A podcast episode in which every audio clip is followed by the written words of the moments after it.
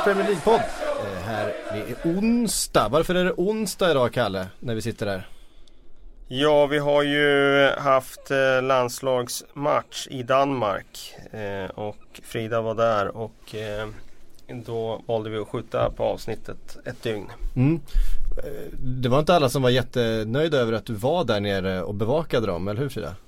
Nej, jag fick ju lite, jag, jag blev oerhört förvånad men jag, jag, fick, fick lite kritik från eh, några spelare där i, eh, i mixade zonen som tyckte att det var ganska dåligt ändå att jag valde att bevaka dem istället för att släppa ett nytt avsnitt. Och... Vilka var spelarna? Ja men Jennifer Falk eh, målvakt bland annat. Eh, som eh, var Manchester United-fan fick jag reda på. Ja. Eh, det var lite intressant. Hon var inte helt nöjd heller med att vi pratar så mycket om Mourinho.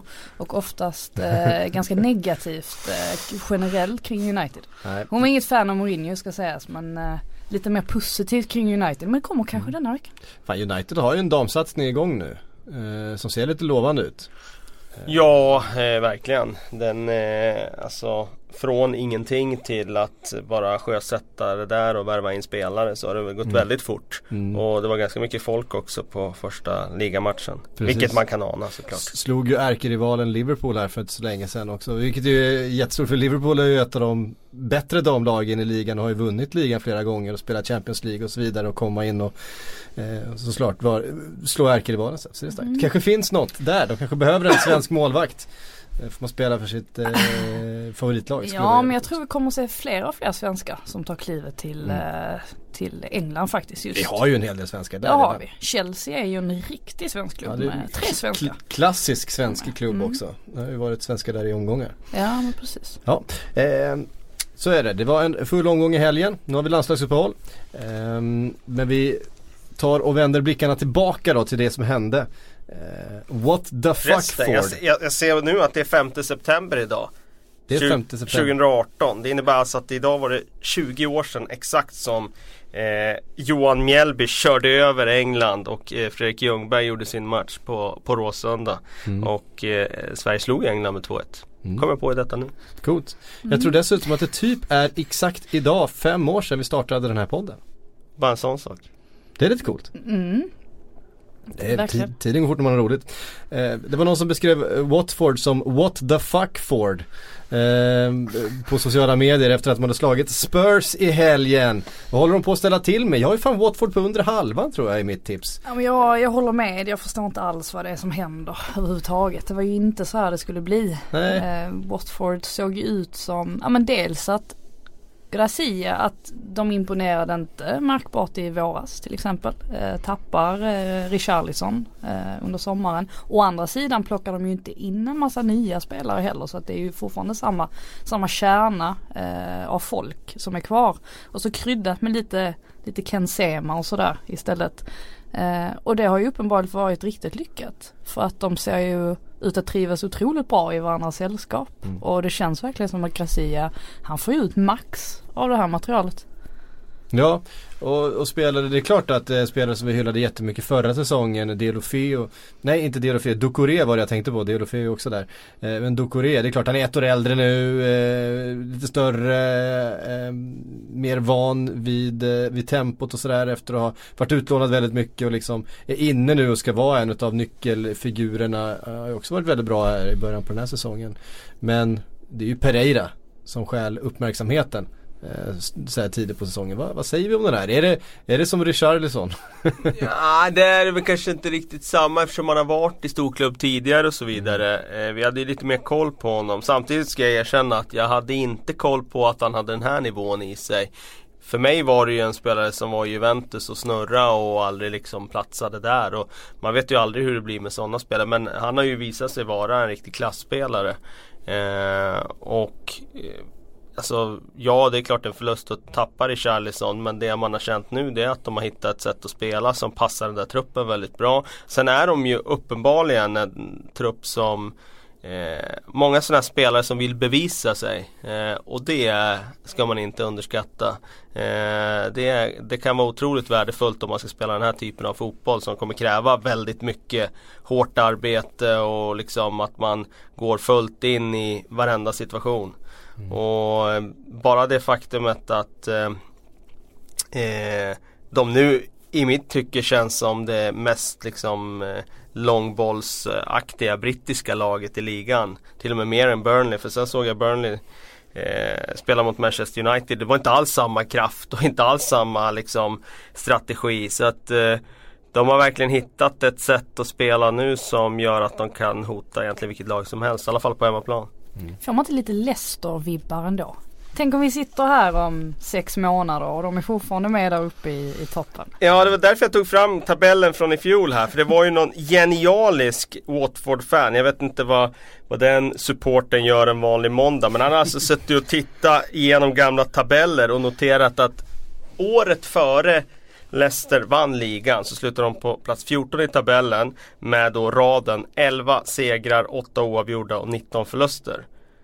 Förra säsongen slutade Watford på plats 14 i tabellen med 11 segrar, 8 oavgjorda och 19 förluster. eh, och ett sånt omen måste ju betyda någonting. Mm. Ja, alltså, det, för mig är det, det är ju Alltså de är ju titelfavorit nu bara med den där statistiken i ryggen. Alltså kan det ens gå på något annat sätt? Det är Nej, ju skrivet i stjärnorna det här. Ja det är ju fantastiskt. Och jag menar, de möter Spurs, ett Spurs som vi har eh, hyllat förstås eh, länge. Det här är ju Pochettinos eh, liksom projekt verkligen. Eh, fick behålla hela sitt lag, köpte visserligen inte in någon men nu skulle de liksom ta, eh, de skulle bli ännu lite smartare, ännu lite mer samspelta, ännu lite bättre den här säsongen då förstås. Eh, åker till Vicarage Road och fan hänger inte med. Ja, det var väl en ganska seg match tycker jag. He även Watford i första halvlek. Jag tyckte inte det var något av lagen som imponerade då. Sen gör ju Spurs 1-0 i andra halvlek ett turligt mål, ett självmål av Ducoré och eh, då var min känsla att ja, Spurs har ju skaffat sig en förmåga här att vinna utan att liksom imponera. För jag tyckte inte att de imponerade så mycket på Trafford veckan innan. Förutom det faktum att, att de vann med 3-0 och liksom var eh, ja, så pass stabila att man eh, vinner utan att spela bra. Men eh, i den där perioden när, när matchen vänder så kändes det som att Watford var större, starkare och snabbare. Och eh, framförallt så hittade de ju en bräcklighet eh, hos Tottenham i att de verkligen gick på fysik.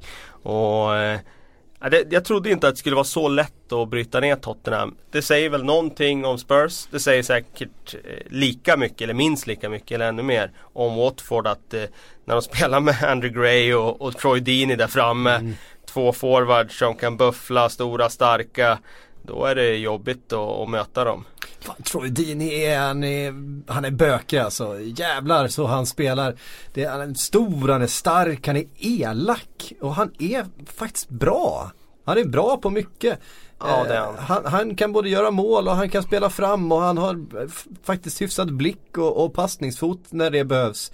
Eh, också, eh, han, och sen, menar, han spelar ju dessutom med lite revansch på något sätt efter förra säsongen som ju inte blev hans. Nej, han var ju eh, på väg bort då. Ja, var eh, petad i perioder och ja. han var skadad en hel del innan. Så det, han är ju han är ju Watfords själ och hjärta liksom. Verkligen. Mm.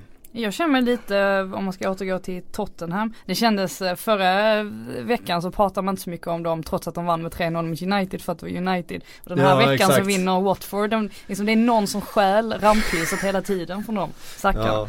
Men jag, jag känner mig lite besviken ändå på, på deras, deras start här. Jag har inte blivit imponerad någon gång. Det, det är sällan jag sitter och tänker att oj vilket bra Tottenham man får se nu den här perioden.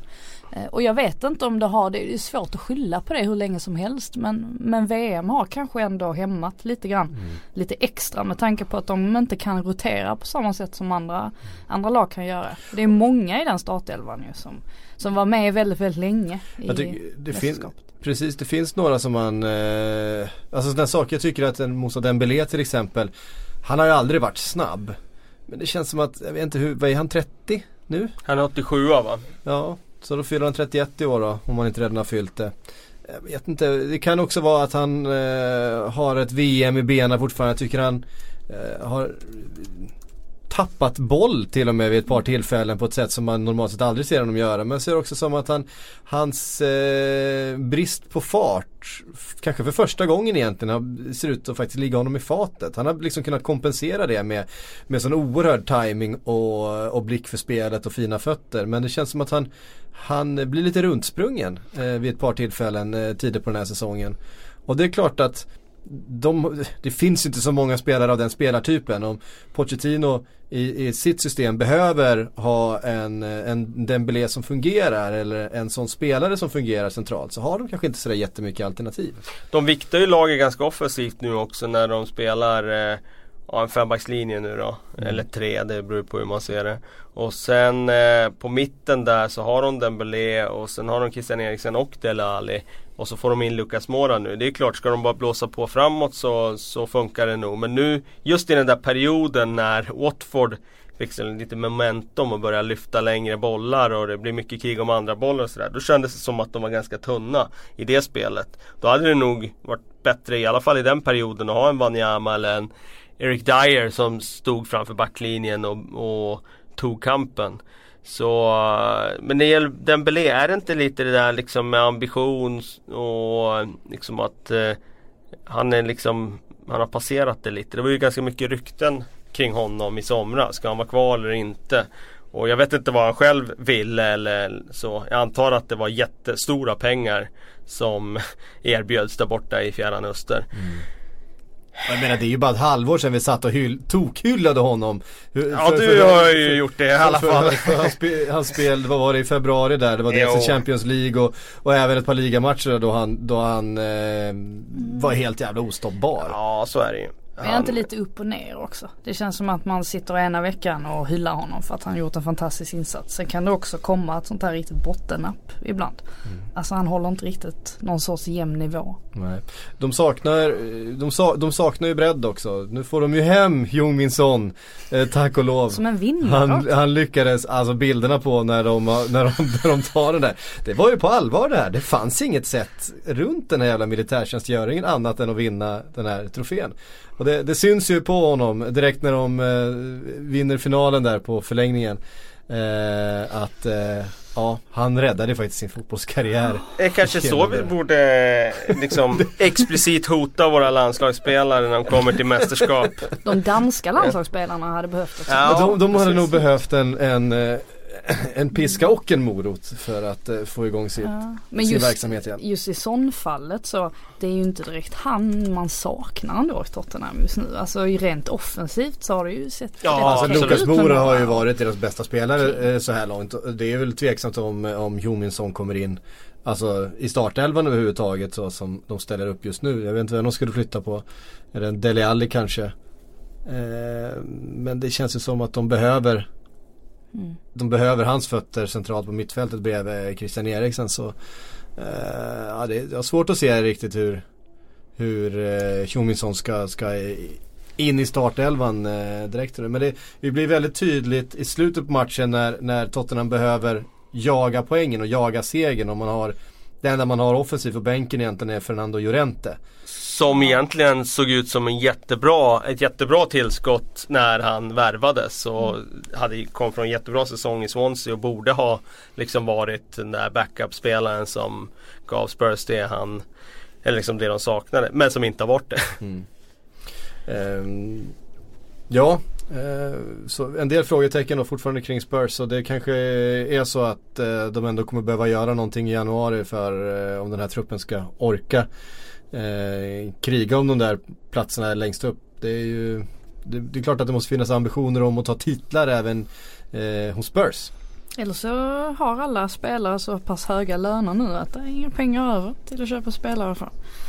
Alltså någonting måste de ha lockat med för att behålla alla de här i alla fall. Alltså Kane och Eriksen och Alltså de har ju höjt lönen men jag tror inte de ligger så högt i nivå Nej, så att alltså, de, de, ligger fortfarande, de ligger fortfarande efter de övriga Men tänk arena nu också. Ja det är ju snarare Are den i så fall. Arenan som har blivit tre gånger dyrare än, än uh, vad de hade beräknat. Eller något sånt. Jag vet det blev väldigt mycket dyrare i alla fall än uh, vad som blev.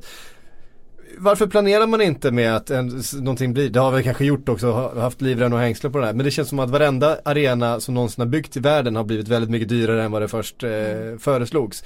Precis som alla andra byggen, när man, men, har, eh, när man har hantverkare inblandade så blir det aldrig riktigt så billigt som Spelar väl ingen roll om man ska bygga om eh, badrummet hemma eller om det är nya Karolinska. Det blir väl alltid dyrare. Exakt, alltså så är, är det väl. Så. Det är bara the nature Förutom om man inte ringer till hantverkare psyk, då tror jag man får ett eh, mm. ett fast pris. Bygger man själv så är det ja. lättare att planera. Så, så eh, kan vi väl säga. Um, Din altan som du spikar på i tre år, blev den dyrare eller höll du dig till kalkylen? Det har inte kostat så mycket, det har det inte gjort. Ja. Uh, sen, eh, sen, går det att lägga pengar på sånt också, mer än vad man har planerat. Men det är, en, det är på ett annat sätt. Det är ju, vad ska man kalla det, mer rekreation kanske eh, än, än själva byggnaden eh, för sig.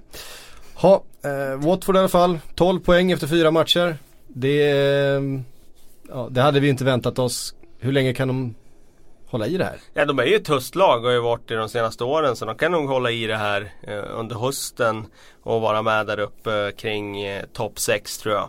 Eh, framförallt eftersom vissa andra topplag har börjat lite skakigt. Så eh, sen borde det ju komma den där effekten med att de faktiskt har ganska tungt på andra halvan av säsongen. Och jag, min gissning är att eh, den effekten slår in här. Det kommer till december den här säsongen också. Mm. Höjer ett varningens finger också för att de eh, har ju kört med samma startelva nu i alla matcher också. Eh, och han har valt att inte rotera. De har inte så många spelare att rotera på heller. Så att det kanske också kan skälpa en när det börjar bli mycket matcher. Och, mm. och någon skada hit och dit så är det lätt att det går åt andra hållet. Nästa lag att besöka Vicarage Road är Manchester United.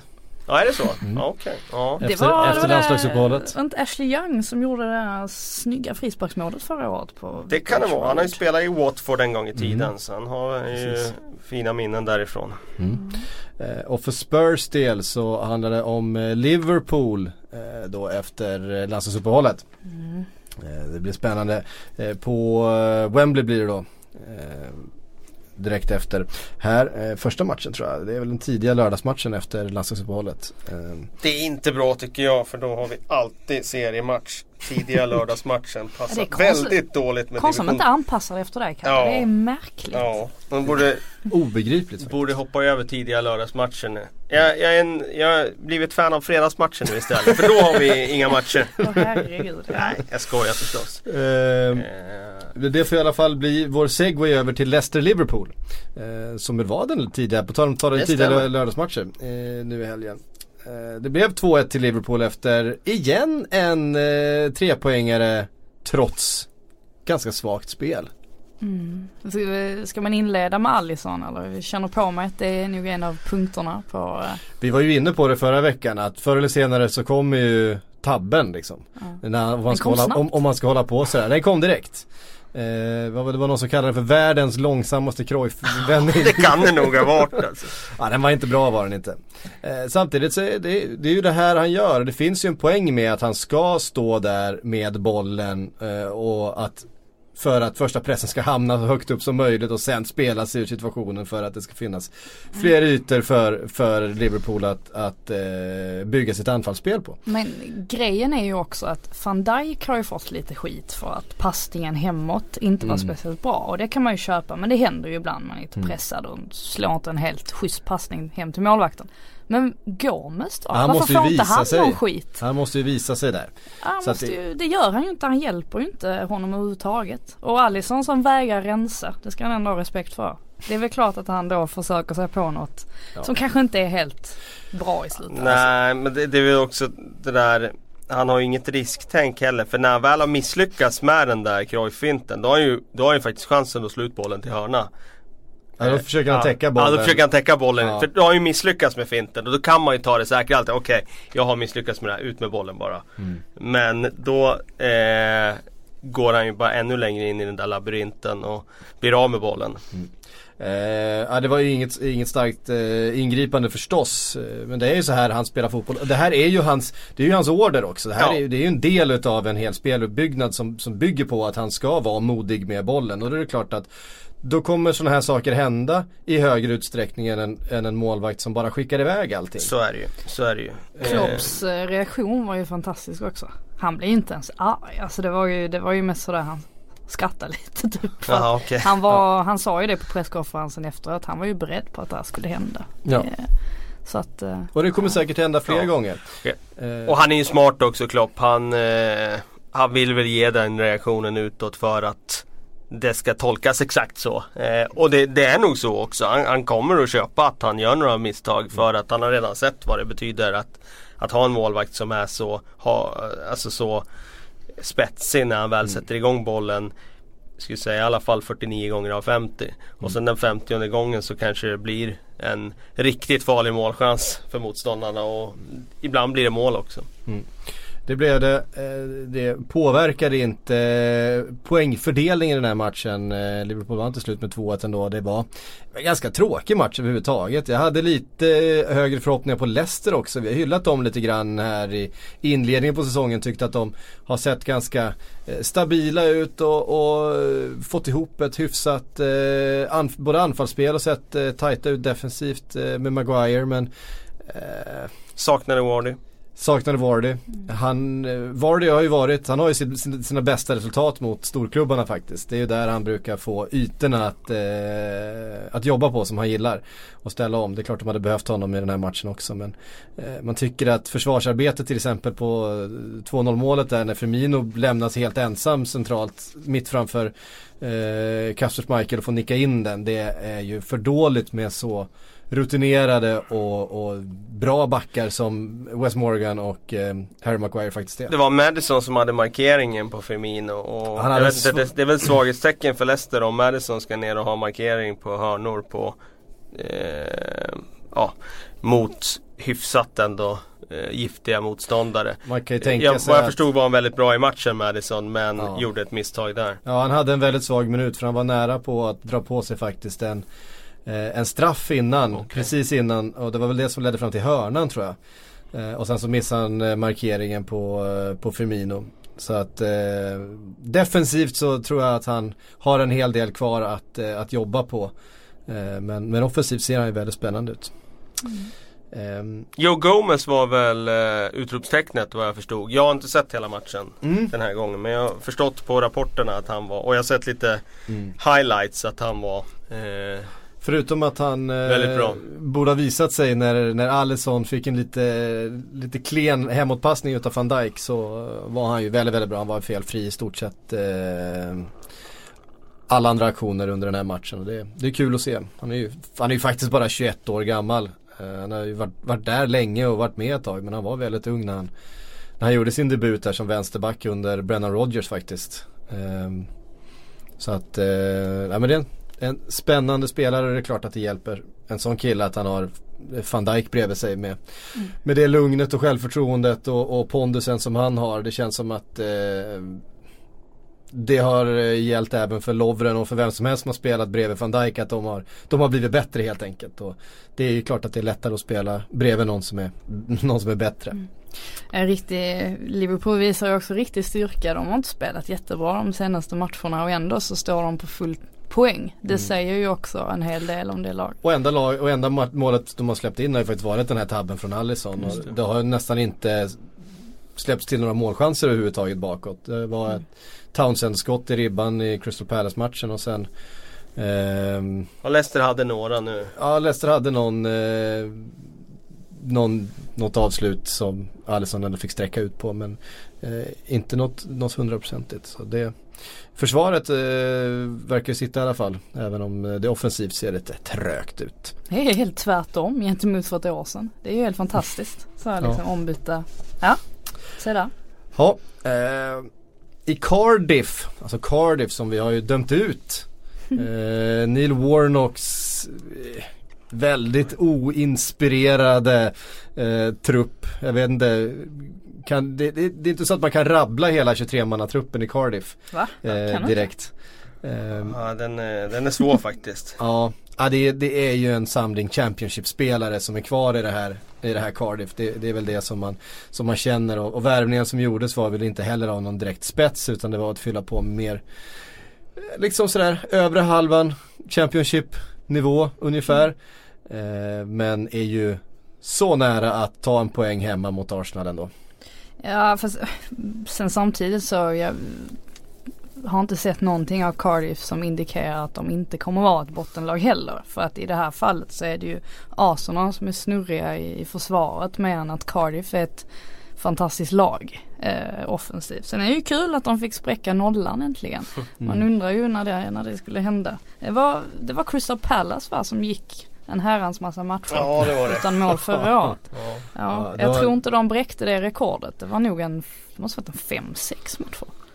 Ja, vi bara spelat fyra nu alltså. och Frank de Boer eh, fick ju bara fyra och då hade de definitivt inte gjort några mål. Och Nej. det var några matcher till efter det som de inte gjorde mål. Så att det, det här var efterlängtat. Mm. Mm. Däremot så skulle jag nog, eh, alltså det jag reagerat på när jag sett Cardiff, de här inledande omgångarna, det är ju målvakten.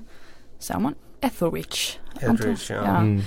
Um, som jag tycker är, han håller, eh, han håller klassen då. Det är um, dels nu. Han har haft en del att göra också. Ja men det har han ju absolut. Men man kan ändå se någonstans att uh, det är en målvakt som uh, Eh, alltså han räddar dem väldigt många gånger, även så i den här matchen. Och han är, han är bra i luftrummet och han är bra på eh, alltså man-man och han, eh, ja men det är många situationer där jag tänkt att det där är ingen dum målvakt. Dessutom bra på att rädda straffar. Vilket mm. inte är helt dumt när man heter Cardiff och säkerligen kommer få ett gäng mot sig kanske. Mycket spel i egen box, då är det bra att målvakt som är bra på straffar, absolut. Mm. Eh, Arsenal då, vi har ju pratat mycket om eh, målvakter med fötter och sådär. Och, eh, alla som gjorde ett misstag men så Peter Käck är ju inte en målvakt som ska ha bollen vid fötterna. Nej, det, det här är ett sånt där eh, experiment som är dumt att misslyckas. Alltså, jag förstår ju innan Emery att han vill sätta saker på plats och liksom implementera en modell som ska hålla här nu för lång tid framöver. Eh, men frågan är om han inte tar sig vatten över huvudet här med att försöka lära en gammal hund att sitta. För att Check är nog inte eh, kapabel att eh, lägga till den här dimensionen i det här skedet av sin karriär. Eh, utan han har ju växt upp i en tid när det räckte, det som jag var inne på, det räckte med att skicka iväg bollen egentligen. Och kunde man sätta den på en lagkamrat så var det Det var en bonus. Det, det var, ja, då fick man en stjärna i kanten. Eh, det här eh, kommer att innebära, eller har redan inneburit att Arsenal tyvärr inte har någon trygghet där bak. Och det är klart att det kommer massa situationer nu för Sokratis och company där, där de inte vågar spela hem bollen för de vet att ja, men det blir lite farligt varje gång vi gör det. Och då blir det andra följdeffekter av det istället. Då kanske man försöker göra svårare saker så tappar man bollen och så blir det chanser på annat sätt istället. Så att jag undrar bara hur länge det här liksom försöket ska få fortsätta. För att det finns ju trots allt en Ben som sitter där och väntar på sin chans. Som mm. har de där fötterna som Emery eh, efterfrågar. Och Ja, det är väl möjligt då kanske om man har sett på träningarna, vilket det har skrivits att han inte har varit tillräckligt bra. Att, att Check kanske är en bättre skottstoppare på träningarna. Jag vet inte men eh, av det man har sett i matcher så är det svårt att se att Leno skulle sprida mer osäkerhet än vad Check har gjort. Jag läste en, eh, en teori kring det här att, att Emery tror på Bernt Leno men att han har sett så pass skakig ut på, på träningar så att han är rädd att stoppa in honom just nu i startelvan. Att, att, han, att fansen ska få en bild av honom just att han är sämre än vad han egentligen är. Att det ska finnas frågetecken kring honom. Att han måste ges chansen att bli eh, så pass liksom bara bekväm och trygg i livet i London och du vet med laget och sättet att spela på sådär att när han väl tar klivet in så gör han det för att vara den odiskutabla ettan liksom och då ska han vara redo för det. Fan vad taskigt mot check. Och använda honom som någon sorts, ja här visa hur dålig du är så vi kan sätta in vår nya målvakt sen. Ja, okay. Sveper han in som jag, jag, tror att, jag tror helt enkelt att han skyddar honom lite här för han ser nog Bernt Leno som det långsiktiga alternativet. Eh, vi såg ju till exempel, alltså för att göra eh, jämförelse med eh, de Gea som ju plockades ut från startelvan eh, och de stoppade in, vad hette han, eh, dansken va? Linde... Anders Lindegård. Lindegård ja. Eh, och liksom plockade bort honom och så fick han liksom så börja om igen då mm. istället för att det skulle vara så mycket frågetecken kring det. Gav honom den tiden. Helt enkelt. Det var ju mer än att han blev petad. Det var ju mer för att skydda honom för att han helt enkelt skulle kunna växa vara in i det, och ja. växa in i det. Och det är väl det som det handlar om med Bernt Leno. Det kan ju visa sig vara klokt. Det jag menar är bara det att det ser ju inte supersäkert ut med Peter Käck heller Nej. och de behöver ta segrar under tiden. Så mm. frågan är om det blir sämre av att släppa in Bernt Leno. Jag tror inte det. Är det inte det också att Check försöker vara någonting han inte är? Att det är det som är problemet. För även om han skakade en del förra säsongen så kan jag inte minnas att man satt så här match efter match och tyckte att vad håller han på med? Men det känns som att han verkligen vill spela den typen av spel. jag tror mer det är Emerys, jag tror det är mer Emerys sätt att ja, vi ska exakt. spela med det här riskspelet där mm. nere. Och, och att det är det han inte klarar. Ja exakt, nej men så är det ju. Det, så är det ju. I fjol så hade han mandat att bara skicka iväg bollen när han fick den och var pressad. Men nu ska han spela, spela, spela till vilket pris som helst. Och det är han inte tillräckligt bra för att klara av. Mm. Och eh, det där är, ja, jag säger det, det där är inte roligt när man hamnar i det som spelare. Och vara ute på planen och tränaren har sagt att vi ska spela med den här risken så vet du att du har en säkerhetsrisk där bak. Mm. Som det kan ske när som helst. Det, det är klart att det är det är, det är sådana där mål som är så otroligt jobbigt mentalt att släppa in också. Nu har det ju gått så långt så att nu kan man nästan sätta ihop en sån här höjdpunktspaket med alla hans missar. Alltså tänker den mot City är väl fortfarande värst när han, mm. vad, vad gör Karl? Han, han håller på att rulla in den i eget mål ja. ja. Det är värst jag sett. Alltså, det... den, den är, det känns nästan, fast man har sett den 20 eh, gånger så, så känns det fortfarande lite sug i maggropen ja, när, han, när han slår det den. Det pirrar alltså. till lite, det gör det. Mm. Ja men det är jag tycker, tycker synd om Check också för han är ju Det är en ja, sån man, där spelare som man gillar ja, generellt. Man, man önskar ju inte honom det här att det ska se ut på det här sättet men det har nu kommit till en punkt nu där ja, men alltså, någonting borde ske. Vad är han? 82? Ja det är han nog. Eh, något sånt så är det klart att, eh, att han, han eh, spelar på sista Mm. Han är ju inne på sin fotbollsålders höst, verkligen liksom. Han har ju inte speciellt många säsonger kvar eh, i sig. Även att målvakter eh, normalt sett kan hålla i lite längre än vad utespelarna kan så, så är det ju uppenbart att den här nivån eh, håller han ju inte längre. Menar. För tio år sedan var han ju kanske världens bästa målvakt och eh, det är klart att i jämförelse med den målvakten han en gång var så är han ju eh, inte alls på samma nivå men eh, ja. Nej men det är kanske som du säger att Emery att han har ett behov av att skydda spelare. För man har ju suttit mm. nu också och tänkt att varför startar inte Torera? Jag tror inte mm. någon, förutom möjligtvis Granit Xhakas nära och kära, alltså vill ha Torera på bänken. För att alltså han ska ju vara där från början och om man nu ska ha Xhaka på planen samtidigt så blir ju han också mycket bättre med Torera bredvid sig. Mm. När han liksom kan strunta i defensiven mm. eh, helt och hållet. Så um, nej, jag hoppas efter landslagsuppehållet kanske då får vi kanske se honom från start. Även om de släppte in två mål i den här matchen och de kan te sig billiga så tycker jag ändå det var positivt för Arsenals del nu att de det går ändå åt rätt håll tycker jag. Alltså, Då titta... är riktigt fina avslut också. Ja, alltså nu får de ändå in Nu har de ju börjat spela 4-2-2-2 eh, Och få in både Lacazette och, och Aubameyang i startelvan. Och det, tror, det har vi sagt, det är ju nyckeln för dem. Eh, och det visar sig ju nu att, ja, nu har de ju satt det på plats. Guendouzi tycker jag, även om han blandar och ger så tycker jag han ser bättre och bättre ut. Nu startar han i och för sig i premiären på en väldigt låg nivå så det vore konstigt om det inte såg bättre ut än det. Men eh, det finns ju någonting där. Mm. Och nu får han ju de här matcherna och den här speltiden som han inte hade kunnat fått i något annat topplag eh, på topp 6. Och det är klart att eh, en sån där spelare kan ju eh, liksom göra ganska snabba framsteg. Mm. Och fram i vår kan man säga att ja, det här var en jättebra spelare som fick de där minuterna som man behövde. Så att eh, det finns ändå någonting tycker jag nu som är, känns ändå positivt för dem. Nu har de två segrar ombord. Nu har de eh, fått igång anfallet. De har hittat ett sätt att spela där de får in båda dem där framme. Nu handlar det om att sätta resten på plats men jag tror att det får bli liksom en byggsten, en byggsten i taget för honom och nu mm är några på plats. Mm. Jag tror till och med att Guendouzi, jag ser till och med att han kan bli någon sån här riktig Arsenal-ikon. Alltså att han stannar där väldigt länge och det känns som en väldigt Han är ju en fransk 19-åring för fan, det är klart ja, att han ska bli och han liksom smäller i marken när han blir förbannad och det är, det är mycket att gilla tror jag för supportrarna. Jag lade märke till också en, en grej efter, eh, det var väl Aubameyangs mål tror jag, eh, fram till 2-1 eller vad det var det nog. Eh, något sånt. Jag minns inte exakt. Men det var just det där att han klev in rakt i det firandet. Tog ja, tag i, bo i både Aubameyang och, och Lacazette och stod och sa någonting till dem. Men man, mm. det var tydligt att han liksom, munnen gick där. Han var en väldigt, väldigt tydlig så social del av då den franskspråkiga eh, klicken förmodligen i det här Arsenal då med, med Lacazette och Aubameyang. Mm. Eh, och han är ju fransman också, Guendouzi, vad har de fler för fransmän nu?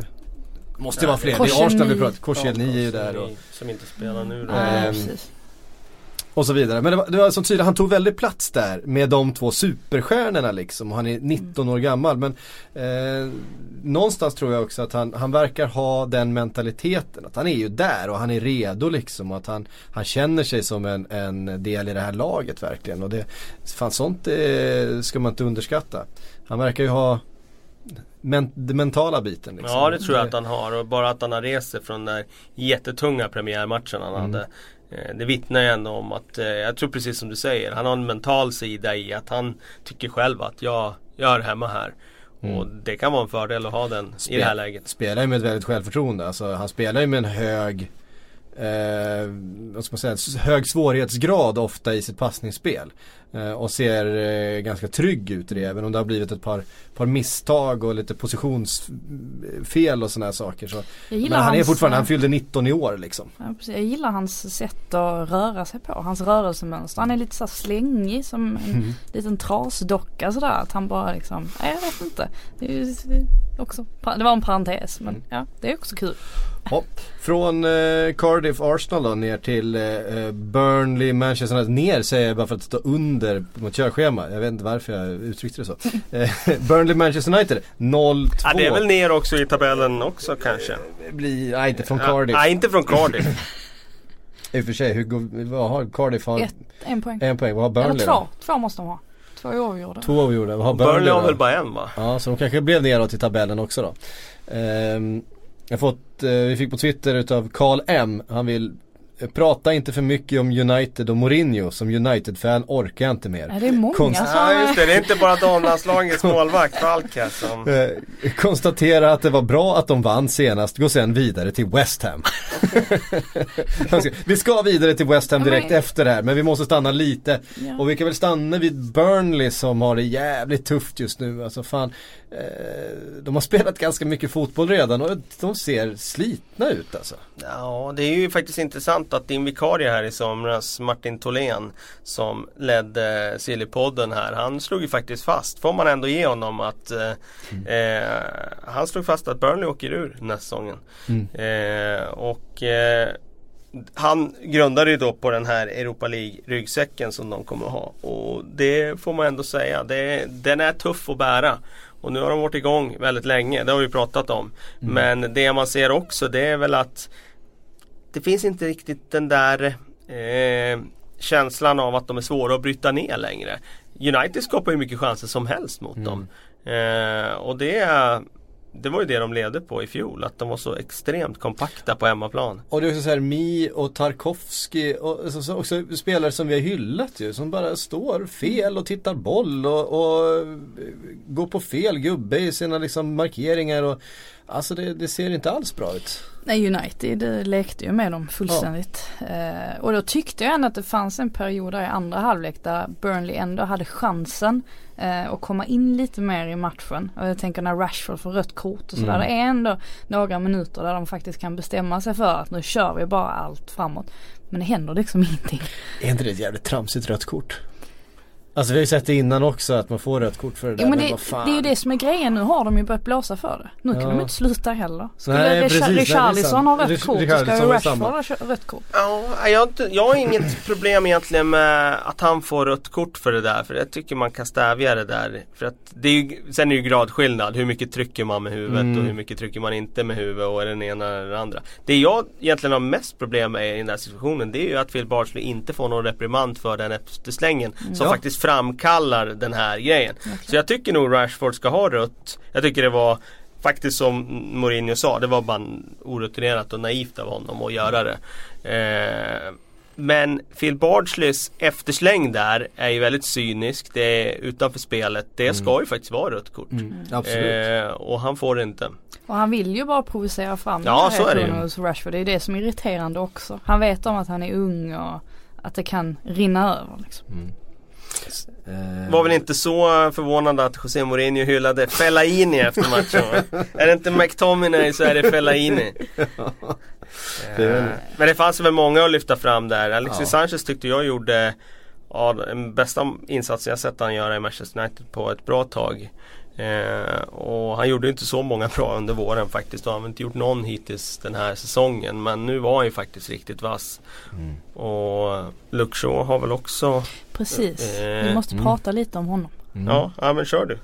Ja men eh, jag vet inte om ni såg den här intervjun som han gjorde med eh, BBC var det väl tidigare eller förra veckan blir det. Är det den som är citerad nu om hans eh, fraktur och allt det där? Ja precis, han var väldigt, det är också ett, ett mönster man har sett nu på sistone. Jag tror faktiskt, faktiskt det är sen Gary Southgate blev förbundskapten att fler och fler engelska spelare de är betydligt öppnare mot media. Alltså nu under den aktiva mm. karriären. Det är ju oerhört vanligt att efter att de, alltså några år efter att de har slutat, att de kliver ut och så berättar om jobbiga grejer och perioder under karriären. Men det är väldigt sällan tidigare som de faktiskt har pratat om saker som har skett för inte speciellt länge sedan.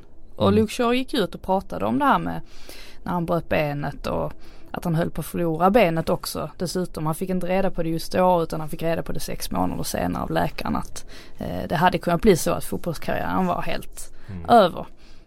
Och man får ändå säga att det här är en kille som har gått från att i princip, man har inte sett något ljus riktigt till att helt plötsligt ha slagit sig in i United startelva. Övertygat Mourinho dessutom som inte är det lättaste och dessutom nu aspirerar på en ordinarie plats i landslaget också för att mm. vem är det som är före honom i hierarkin där? Det är ju Ashley Young och han har ju redan petat honom i, mm. i klubblaget så att helt plötsligt har Luke Shaws karriär gått från noll till hundra det är lite intressant på typ några månader bara. Mm. Det är häftigt tycker jag den karriären kan vända på ja. bara kort tid sådär. Eh, jag tycker han har varit bra i inledningen av ligan. Och jag ska inte säga att han är lika bra nu som han var före sin skada för då tyckte jag han var ruskigt bra. Eh, bara den där månaden då innan det benbrottet borta i Holland där. Men eh, han eh, har den där vad ska jag säga, förmågan att gå förbi sin spelare. Mm. När han blir satt under press igen mot den så kan han bara trampa på rakt in i plan och lösa situationerna. Och det tyckte jag han var riktigt bra på då när han före benbrottet. Mm. Eh, så att eh, det har ju gett United en ny dimension tycker jag. Att de har en vänsterback nu som kan följa med offensivt och som kan faktiskt skapa någonting mot den också. Dels det att han, han han är ju alltid alternativet förbi. Han går ju alltid i djupled när, när möjligheten finns. Han tar ju alltid överlappen och, eh, och tar löpningarna in i boxen och, och skapar oreda liksom med, eh, med sin snabbhet och sådär. Nu ska, nu ska jag ta i så att ni får lugna er lite grann. Nu ska ta i men jag tycker att rent så stilmässigt så påminner det lite grann om när Gareth Bale slog igenom som ytterback. Eh, och då man såg de här offensiva kvaliteterna och så. Man hela tiden trampade förbi och han var snabbare och starkare liksom och ute på kanten. Ja nu tog du i. Jag tog i. Jag, vet, jag, jag menar att jag säger inte att han är lika bra liksom. Jag tyck, men det, det, jag, jag, fick en, jag fick en vibb när jag såg honom för inte så länge sedan. Så kom jag att tänka på Gareth Bale när han Eh, när han slog igenom liksom. Eh, och, och... Är du tillbaka på när han slog igenom i Southampton då? Eller? Ja precis. Ja. Eller nej, Luke Shaw. I, i, Luke Shaw. I, i Luke Shaw ja. Ja. ja men, nej, men, ja, alltså, men det kan jag hålla med så, om. Som, att då, då var han det. Ja, då var han sådär frejdig. Även det som är skillnad... sättet han spelar på nu. Jag tycker fortfarande han, han, han, gör det. Han har inte riktigt samma liksom, leverans kanske i allting han gör. Men, men sättet han spelar på att han hela tiden, alltså det oavsett eh, alltid erbjuder det alternativet och går runt och går förbi och är nästan alltid snabbare än sin motståndare. Och, eh, ja, men han ger väldigt mycket i det spelet tycker jag. Jag håller med om att hans frejdighet påminner om Bale. Det som var den stora skillnaden det var ju det du vidrörde där. Att Bale hade ju en slutprodukt och det ja. har ju inte Shaw haft egentligen i sin karriär egentligen. Det hade han inte i Southampton heller. Han gjorde väldigt, väldigt få poäng. Trots att han kunde vara bäst på plan i match efter match efter match. Han gjorde nästan aldrig några poäng. Eh, och inga mål. Och det, den förmågan hade ju definitivt Gareth Bale när han ja, spelade. Både när det gällde fasta situationer och inlägg och allt. Mm. Nu kommer jag få, nu kommer jag få en massa eh, Tottenham-supportrar på mig som, eh, som gjorde den jämförelsen. Men jag, jag hoppas ni förstår vad jag menar. Jag säger inte att han är lika bra men jag tycker han ibland påminner om sättet spela på. På tal om att tala ut där Frida, om mm. i intervjuer och sådär. Jag tyckte det var lite roligt eftersom du är en stor eh, fan av honom att Steve Sidwell talar ju ut i Daily Mail här i en intervju och då eh, Det handlar mycket om att han eh, eh han eh, var väldigt öppenhjärtig och berättade att han satt på badrumsgolvet hemma och grät när han förstod att karriären var över. Men mm. han tränar Brightons U16 nu. Mm. Bara en sån sak. Mm. Fin kille. Gillar, ja du säger vi, det. Vi, vi gillar Steve Sidwell. Uh, han, hade, han, hade, han hade nummer nio i, år, i Chelsea en gång i tiden. Det... Vi och vi men uh, ja. jag gillar Steve Sidwell. Uh, men det var också, visst var det Jermaine Pennant som skrev en självbiografi här för tidigare i år.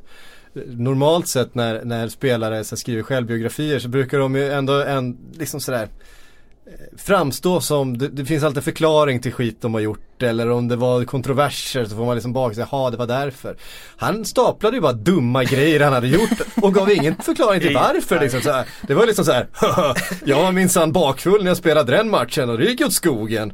Ja, det här, men det där, är ju det, det där är ju det klassiska brittiska och det jag menar är att jag ser liksom att det har hänt någonting i, mm. alltså i hela den engelska kulturen överhuvudtaget. Att det är någonting som har blivit mer eh, acceptabelt med psykisk ohälsa och mm. den där typen av grejer som mm. väldigt, väldigt mm. många fotbollsspelare drabbas mm. av. Och jag tror att, att Luke Shaw går ut och berättar om det här, det här var jättejobbigt och det, det här hade kunnat hända men nu har jag tagit mig ur mörkret. Jag tror det inspirerar jättemånga andra att göra samma sak. Och det, det behövs snackas om det öppet istället för den här macho macho-England som det alltid är. Oh, tacklingar och lera mm. och oh, vi, ska inte, vi ska inte öva på inkast. Vadå det är bara att kasta. Alltså så här, man ska inte anställa någon specialtränare till det som Andy Gray tyckte.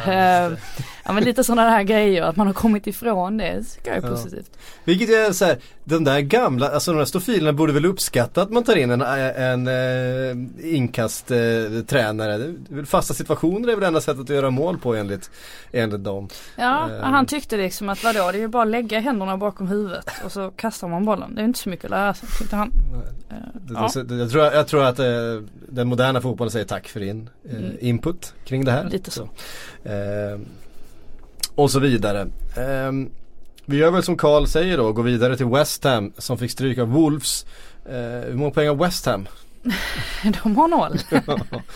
um, ja, och det, det, ser inget bra ut för Pellegrini. Det, det är en spel, alltså det är en tränare som vi har trott mycket på inför det här projektet och känner att det är rätt. Men nu är det han som har lägst odds att få sparken först. Ja, men faktiskt. det verkar väl vara för dyrt va, att göra sig av med honom. De eh, har väl skrivit något sånt eh, konstigt. Ja, det skulle kosta mycket läste jag. Ja, det var, det var väldigt mycket. mycket. 130 miljoner. Allardyce-pengar alltså. Ja säkert. Mm. Men eh, 130 miljoner för alltså, att göra sig av med en tränare. Det är igen, så jävla hiskeligt alltså. Pellegrini för några år sedan hade nog varit väldigt kompatibel med West Ham. Mm. Eh, då när Slaven Bilic tog över. Men nu känns det som att luften har gått ur satsningen, klubben och liksom styrningen är inte tillräckligt bra för att ta in en så offensiv tränare som ska komma in och, och göra någonting eh, konstruktivt. Utan de hade kanske behövt ha kvar David Moyes och ha ytterligare en säsong där de bara eh, håller sig över ytan. Även om det inte är det som går i linje med West Ham-fansens eh, ambitionsnivå och, och det kravet som finns på, på, på läktarna där så Känslan är ju att Pellegrini väldigt offensiv tränare. Han är inte eh, klippt och skuren för det här uppdraget. För vad som krävs där nu. För nu känns det som att det är och eh, Det blir svårt att eh, få den här skutan och på rätt köl igen. Sen är det ju så här också, det är så typiskt att det är ett sånt här lag där det går emot och då kommer ett jävla mål i 90 Alltså sista spelminuten. Adama Traoré Eh, som ju ser väldigt intressant ut nu tycker jag. Fan, man undrar ju, man har ju känt Adama Traoré så länge att ah, han är ju, näst, han är ju nästan världens bästa fotbollsspelare. Om han bara om han bara gjorde någonting mer, om han bara liksom fick till det där sista så hade han ju varit helt ostoppbar. Mm. Det du säger är egentligen att han är jävligt snabb. Och skulle han bara ha allting annat så skulle han, han vara jävligt bra. Han är sjukt snabb och sjukt teknisk. Men han kan ju inte fatta rätt Använda beslut. sin teknik. Ah, det allra viktigaste. Fatta rätt beslut i sista tredjedelen. Han, han kan ju dribbla fyra gubbar och sen slå en en helt meningslös passning tillbaka till mittfältet. Då börjar vi om där vi var när han började liksom. Jo tack. Mm. Eh, det så, men det känns som att han har fått mer. Eh, liksom eh, ja, Han blir väl äldre han också så det är klart att han har förbättrat sig. Absolut. Eh, nej men det bara hänga kvar lite i West Ham innan vi går över ja. på Traoré här. Mm. Det där målet, ja det är symptomatiskt för vad de är just nu och den stämningen som råder. Men man sätter sig ju själv i skiten också med det man gör. Jag menar Carlos Sanchez tappar ju faktiskt bollen mm. på egen planhalva, felvänd, ska vända upp central mitt, eh, har gubbe i ryggen. När de tappar bollen så är de fortfarande numerärt överläge. Men eh, Cresswell vill ju inte springa med i den löpningen som kommer. Och det är klart om man skiter i att ta jobbet då kommer man ju släppa in mål. Mm. Så att eh, det är inte bara det där att oj vad synd att det var sista minuten. Ja men ta jobbet så hade de inte släppt in det där målet. Nej. Sen blir det ju lite så. Jag, jag, förstår inte varför man, eller jag hade väl, jag tryckte upp West Ham ganska högt upp i tabellen vilket man ju, ja, tänker mm. nu att det var ju kanske inte jättesmart. Men för det kändes ju lite som att de på transferfönstrets eh, sista dag bara klev in i liksom godisaffären och bara plockade mm. en jäkla massa och pengarna var inget problem men det var liksom en spelare där och en spelare där och då ska han liksom Pellegrino ska han få ihop det här på oerhört kort tid för i Premier League finns ingen tid. Alltså där ska allting gå snabbt. Mm. Och vad, ja, där ser man ju väldigt tydligt att de drar ju uppenbarligen inte åt samma håll. Det är säkert inte jättebra stämning i det här laget nu med en massa förluster, alltså för sämsta tänkbara start och det kommer bli tufft att vända det här. Vad ska, men vad ska man göra? Man kan inte bli av med honom nu tydligen för att det är för, det är för dyrt. Men å andra sidan Även om man lyckas lösa honom, ska man ta in Moyes då? Ska han reda upp ännu en säsong? Alltså det känns som att hela West Ham har stagnerat. Big Sam, exakt. Tillbaks. Ja, men det... De älskar ju honom i West Ham, eller hur? och West Ham det är ju inte som att den ledningen har ett jättebra rykte om att vara speciellt eh, skickliga i sitt långsiktiga tänk och de har heller inte fans som är speciellt eh, bra på att vara öppensinnade och och sådär och, och acceptera eh, en viss, vissa typer av förändringar och så. Så att nej, tungt för West Ham alltså. Det är ju mycket sådär fel man på, på eller att det är fel man på rätt plats och, och tvärtom så att säga. Eh, alltså Felipe Andersson ser ju jättebra ut i, i sina ögonblicksverk. Och man kan ju tänka sig att, tänk om Liverpool hade värvat honom och ha honom på bänken, stoppa in i ett välfungerande lag, leder med 2-1, 3-1 och så ska han komma in. Då hade de gjort 4-1 och 5-1 också med den där kvaliteten han har. Men i ett West Ham eh, som just nu sladdar, det är uppförsbacke, det är motvind, det är allting. Ah, det är ju inte riktigt rätt plats för den typen av spelare. Eh, tyvärr alltså. Och jag gillar det jag har sett från honom förutom kanske där på Anfield i premiären där kanske inte hans defensiv var så helhjärtad. Men annars tycker jag han har sett väldigt eh, liksom lovande ut. Eh, Arnautovic är ju bra, det vet vi ju. Men det är ju det där att det, det finns är, ju ingen stomme kvar i det där laget. Central, det som det centrala mittfältet är jag vet inte varför de släppte KJT för. det är möjligt att eh, de tyckte att han har gått neråt för mycket, vilket han i och för sig har gjort. Han är inte i närheten av lika bra idag som han var för tre år sedan. Men jag tycker ju att det var ändå en rejäl spelare, en eh, liksom fysisk spelare som både kunde spela mittback och central mitt. Och jag hade gärna haft kvar honom. Mm.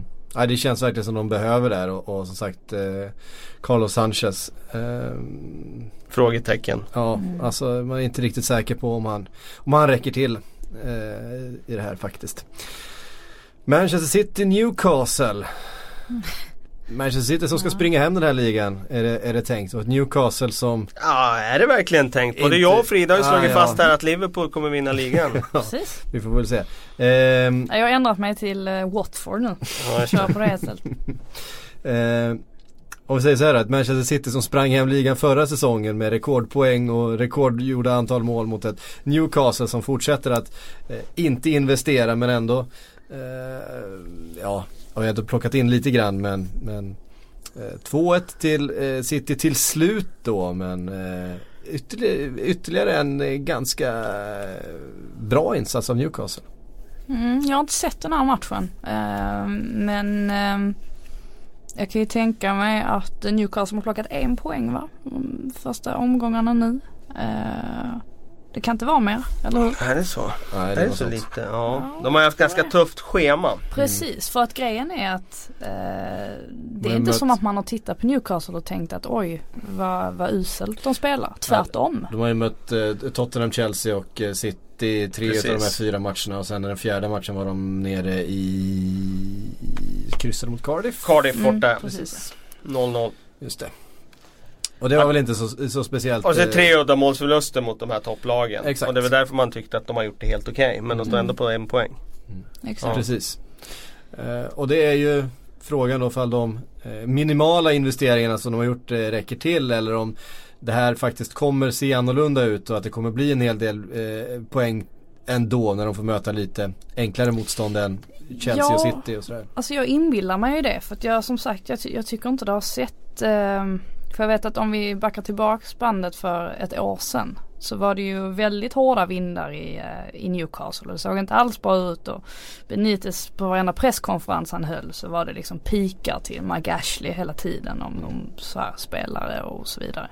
Det, alltså, Eller uteblivna spelare. Men, men det där känner man inte riktigt av, inte än i alla fall. Eh, och jag tror absolut inte att Newcastle kommer att åka ur. Eller att det finns risk för det. För jag tycker det de har visat upp det jag har sett. Så har det faktiskt sett eh, ganska stabilt ut ändå. Jag tror fortfarande på Rondon också. mm. Stor och stark. Ja, stor och stark. Och, men eh, måste säga Fin assist av Ron- Rondon här nu. Ja, Så han börjar det. leverera. Mm. Eh, men eh, Kyle Walkers avslut. Ja, det small Vilken bra. smäll. Mm. Eh, var, det var ju ligans hårdaste skott hittills eh, på de här fyra omgångarna, tror jag. Kan ha missat något men eh, jävlar vad bra skjuts i den. I den. Det var det. Eh, Och vår fa- favorit här, poddfavorit Lasell, det var han som gav bort bollen där Ja, väldigt det. billigt i första målet där. Blev jag lite besviken på honom. Mm. Eh, men... Det eh, duger ju inte mot City, så kan Nej, säga. så, så är det. Nej, och i Citys fall så är jag mest intresserad av, för man bara förväntar sig att de ska plocka poäng liksom sådär och på löpande band. Men jag är mest intresserad av vad som egentligen har hänt med eh, mellan Sané och Guardiola. Ja, just det är ju det. någonting som skaver. Mm. Och eh, med tanke på att både Löv och Guardiola är lite inne på samma linje att Sané verkar ha ganska dålig attityd och Guardiola skrek väl som tusan på Sané när han inte tog hem jobbet till exempel. Mm. Så verkar det ju som att han faktiskt borde Ja, han borde göra nå- någonting. Alltså är det, är det två tränare som reagerar på samma sak då kan man ju anta att det faktiskt är Sané som är problemet, Problemet, i det här fallet. Ja, så är det ju. Eh, Attitydsmässigt för att kvalitetsmässigt vet vi ju. Jag skulle säga Ja. nästan ska jag säga att om en tränare eh, så kan man nästan förutsätta att det finns något attitydsproblem. Eh, Det här kommer kan- alltså sen- från en tränare så källkritiken här är ju nej men det, jag- jag vänder på det och säger så här. Varför skulle en tränare inte använda en jävligt bra spelare med bra attityd? Mm. Mm. Tränaren vill väl vinna matcher, eller? Ja, precis. Ja. Eh, däremot finns det såklart undantag. Det är klart att det finns tränare som kan hamna i Mourinho med- Ja, Mourinho är ju en av dem liksom. eh, Det var nu det var du som sa det. Jag vill inte gå in på det Ja, spåret mitt igen. Men, Stackars Mkhitaryan liksom. precis, då, då kan det finnas lite undantag sådär. Men eh, Eh, nu när det är två eh, framträdande tränare som eh, liksom, ja det, det finns ju uppenbarligen någonting där ja. Mm. Vilket är trist för med tanke på vilken fantastisk vår Sané hade. Jag tyckte han var extremt bra då. Till och med alltså när City dippade då var det ändå han som liksom fortsatte och, och visa, eh, göra fem plus insatser match efter match. Så jag är oerhört besviken. Han är ju lite i mitt stall liksom. Jag tycker ju om honom egentligen. Mm. Um, Chelsea-Bournemouth 2-0. Um, stabilt. Målen kom andra halvlek. Eh, Sarriboll sitter väl inte riktigt än så länge men det börjar närma sig någonting. Nu måste ni ju hålla med mig om Alonso. Att jag har inte sett den här matchen så så att eh, jag kan inte Men eh, Kan någon hålla med mig utveckla, om Alonso? Utveckla. Ja. Nej men att han är bra. Jo, han, han skulle ha fått rött kort den här matchen. Det skulle han också haft. Ja. ja fast Då hade historien varit en annan. Nej men det är klart att han är bra. Det är ingen tvekan om det. Det är en bra, bra spelare. Det jag sätter frågetecken för det är just det där med anpassa till fy, fyrbackslinje. Mm. Och jag tror att vi kommer se lite barnsjukdomar där från hans sida. Vilket vi har gjort i inledningen av ligan hittills. Men det är klart att han är bra. Och eh, eh, men han hade tur den här matchen. Jag tyckte att det var ett såklart andra gulkort där. Mm. Mm. Uh, du var inte ensam om att tycka det. Men, uh, men det var lite fegt av domaren också. Han, jag tror att Alltså den där typen av grej är så cynisk. Och eh, linjedomaren står ju där och har sett det. Mm. De måste beivra det. Mm. Eh, det spelar ingen roll om man har ett gult kort innan. Det är, det är för cyniskt. För att man ska komma undan för, med gul, eh, att inte få gult kort i det läget. Mm. Men Chelsea vidare då också 14, eller vad säger 12 eh, poäng på fyra omgångar. Eh, det är imponerande, det trodde vi inte. Nej, nej verkligen inte. Alltså, jag tänkte det kommer ta en, två månader så kommer man se det här verkligen där Sarri mm. Ball sitter. Eh, och då kommer det börja liksom kurvan peka uppåt. Men att de skulle ta de här segrarna eh, redan nu. Att de dessutom Ja, jag tycker i alla fall, kanske inte den här matchen men tidigare, sett så lovande ut spelmässigt. Mm. Att liksom Jorginho hittar sin plats. Det ser ut som han inte har gjort annat i sin karriär än att sprungit runt på det där mittfältet och styrt Chelseas eh, rytm i spelet. Kanté kommit upp ett steg i banan, gör det väldigt bra. Nu får de in Hazard så de har växlat in lite försiktigt här nu men ja, nu är han uppe i varv också. Pedro kommer in, gör mål. Giroud kommer in och gör sitt, det vill säga plan B från bänken. Alltså de, de känns som de, de de borde inte vara ett färdigt lag men de är ett färdigt, de ser ut som ett färdigt lag nu. Och det får mig att tro att höjden här är ju enorm eftersom de inte är i närheten av färdiga. De har ju haft lite flytet på sin sida också får man säga för att exempelvis i London-derbyt även, jag tyckte deras kvarten, första 20 minuterna var fruktansvärt bra. Så läckte de ju ja, ändå fruktansvärt i försvaret. Var det, var det. Eh, och den matchen hade ju trots allt kunnat sluta med eh, lite hur som helst. Ja. Men nu får de ändå med sig segern och det måste vara otroligt skönt och någonting man kan liksom ta med sig till nästa match. Alltså det byggs hela tiden på en positiv känsla Absolut. i gruppen och man är ett vinnarlag. Och det måste ju hjälpa oerhört. Det jag menar, jag håller med dig helt och hållet. Det jag menar med att de ser hyfsat färdiga ut det är just att det har gått så snabbt att sätta liksom uppspel och positioner och relationer på plats när det handlar om när de hittar sina passningstrianglar. Och mycket är ju Jorginhos förtjänst får man ju säga. Eftersom han styr det där så bra. Defensivt så finns det ju faktiskt en hel del som som de behöver rätta till. Och det tror jag att de kommer göra framöver här. Eh, och så får vi se hur bra han lyckas. Om han lyckas göra det lika bra som han gjorde i Napoli. Att de har eh, det där pressspelet som gör att de förhindrar chanserna innan de i närheten ens blir till. Eller om, eller om de kommer att läcka bakåt. Det får vi se. Mm. Um, vi eh, ska svara på lite frågor eh, förstås. Eh, klockan börjar bli mycket. Vi kan ta en fråga från Ternbrant. Han skriver en follow-up på förra veckans fråga. Den här gången gäller den sämsta spelaren ni någonsin har sett spela. kan, kan ni plocka fram? Jag har en på den också så jag kan ju börja med den. Ja, inte träffat utan... Ja, trä, trä, eller, han skriver sett live slash träffat. Okay. Sämsta spelaren som ni någonsin har träffat. Vi har ju suttit där och poddat med varandra. Eh, jag, jag var aldrig speciellt bra på fotboll, det, det kan jag erkänna. Fast eh, man, har ändå, man har ändå träffat ganska många som är av, väldigt mycket sämre. ja. Men det, det, sämsta, jag måste säga den sämsta eh, professionella fotbollsspelaren någonstans i förhållande till hur bra på något sätt han borde varit. Eller statusen som den spelaren har haft. Jag har en, jag har en insats i alla fall som jag minns från eh, på den tiden hette det väl bara City of Manchester Stadium. Det var före Etihad-tiden när det var Manchester City mot Sunderland. Och Robinho i den matchen som ju var Citys storstjärna då, stora investering. Var så jävla dålig. Eh, och han brydde sig över, över, överhuvudtaget inte om att ta något som helst jobb och han eh, slog ut med armarna, han promenerade runt. Det var en bedrövlig fotbollsmatch. Eh, Sunderland var inte alls bra eh, heller och det var 0-0 till slutet. Men så får City en straff i andra halvlek. och då går Robinho fram och slår en usel straff som då ändå studsar in. Så att han gör ju mål i matchen ändå. Eh, men ja, det, det är så här, på rak arm kommer jag ihåg hur vi, eh, vi som satt där och tittade tyckte att han var eh, fullkomligt usel i den, den tillställningen. Jag antar att de pratar om professionella spelare här. För annars ja, har man sett någon division 7 match någon gång där. eller spelat någon korpmatch själv någon gång där man har sett både det ena och det andra liksom. Men eh, jag antar att de pratar om spelare som är på den högsta nivån. Ja. Jag kommer inte på någon sådär liksom Eh, när man har varit Jag på plats tänker ju mig mer så här kollektiva eh, nederlag. Alltså där mm. hela laget har underpresterat. Nej men det är inte lika kul. Det var inte det frågeställaren Nej, Nej exakt, nu. exakt. Men det, det är det enda jag liksom tänker man Östersund-Arsenal på Emirates så var ju inte Arsenal bra. Men ska jag peka ut stackars Rob Holding som Ja, kör, ja kör det. Nu gjorde du det.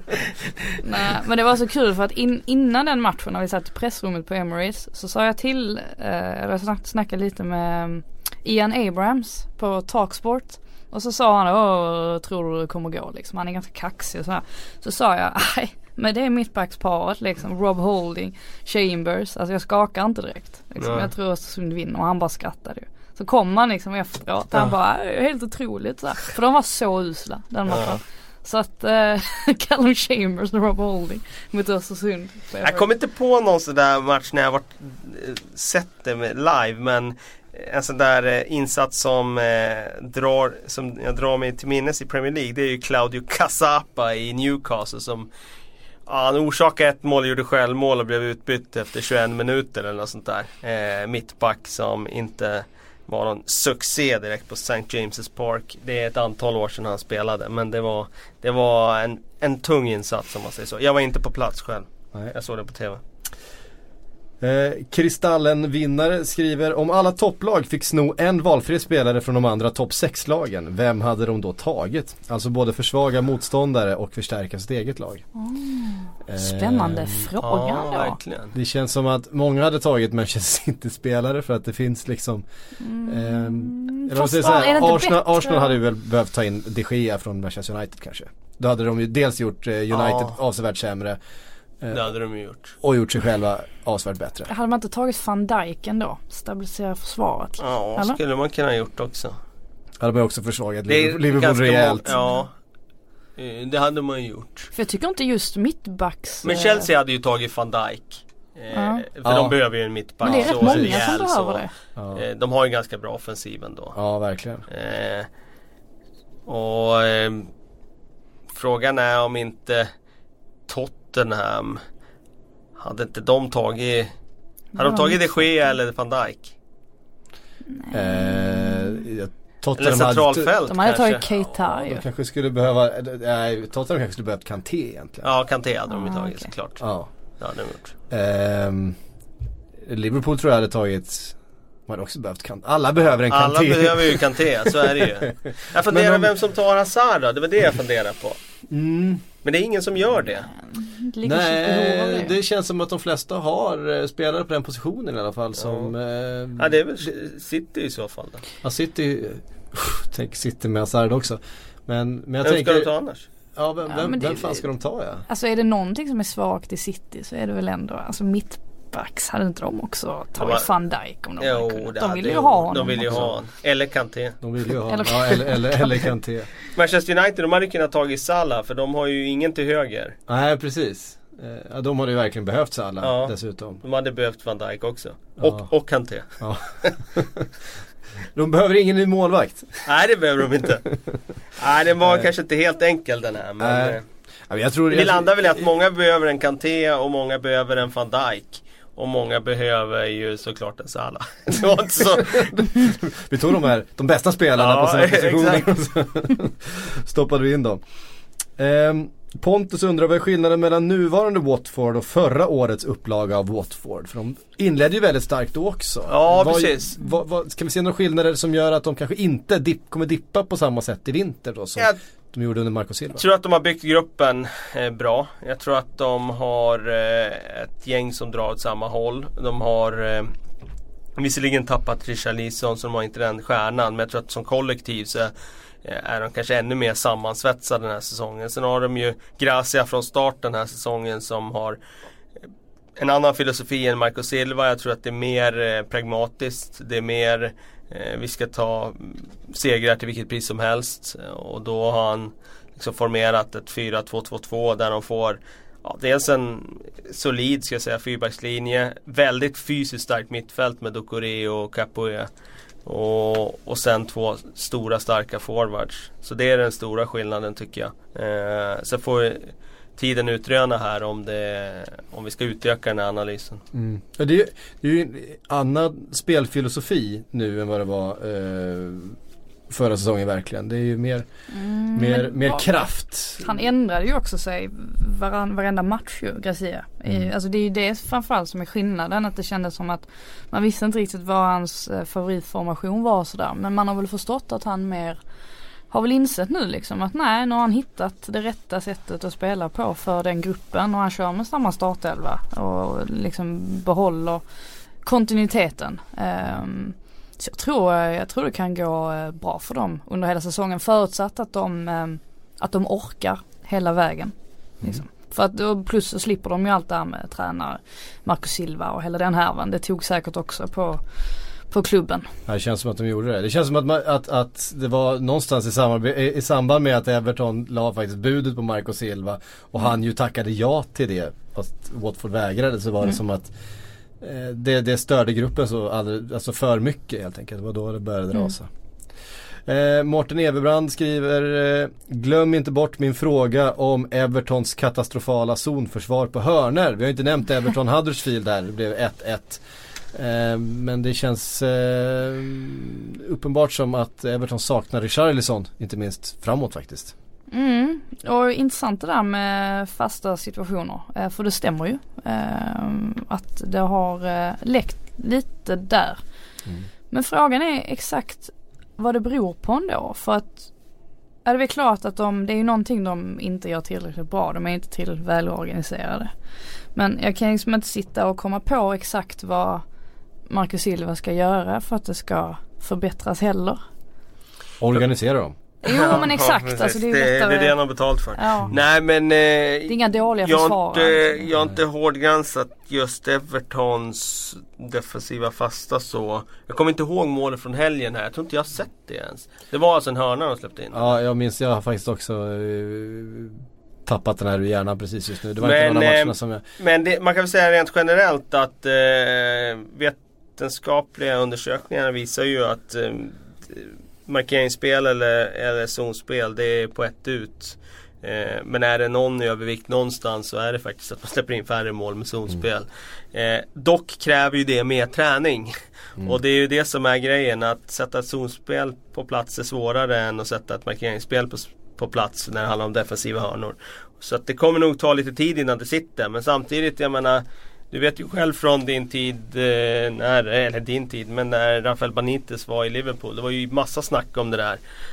Och varje gång de släppte in ett hörnmål så var det zonspelets fel. Men när han väl fick ordning på det där så tror jag inte det var så mycket insläppta mål till slut.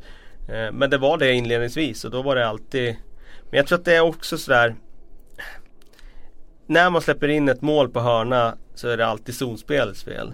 Men när man släpper in ett mål på hörnan och man har använt markeringsspel då blir det den enskilda spelarens fel. Ja.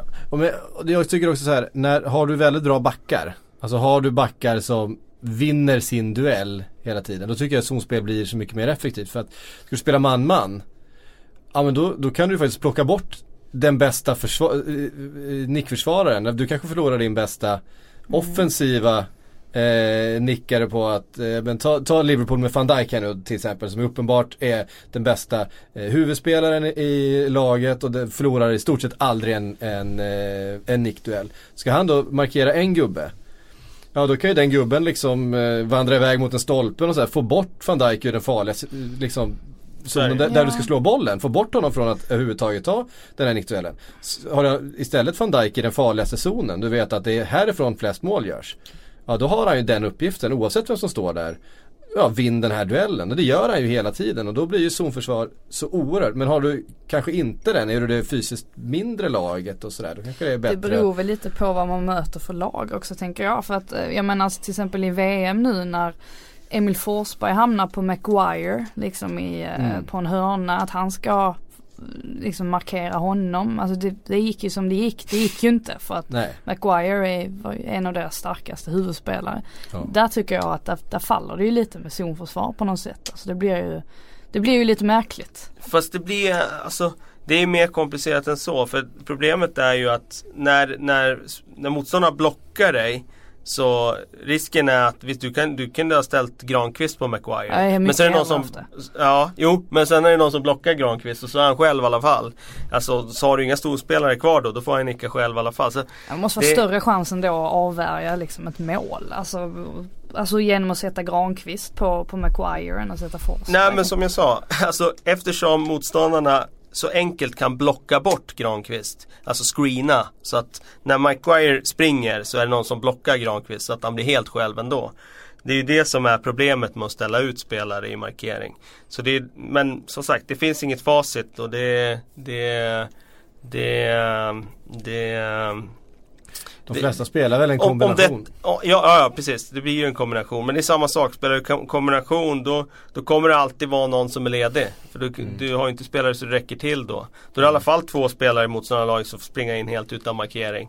Och då gör de mål och så säger man varför var det ingen som markerade? Nej men det, som sagt det går inte att försvara allting på en hörna. Och det är trångt också i Spurs fall mot eh, Watford till exempel. Då var det väl eh, Fertongen som screenade bort eh, av misstag stå i vägen när vem det nu var som eh, nickade in det där första målet. Nu kommer jag inte ihåg exakt vem det var. Men, men när två Spurs-spelare står i vägen för varandra när det blir rörelse och han ska följa med sin gubbe i, i, eh, i försvaret. Och helt enkelt så hamnar Fertongen i vägen och då, då har ju anfallaren om det var Troy Dini eller vem det nu var.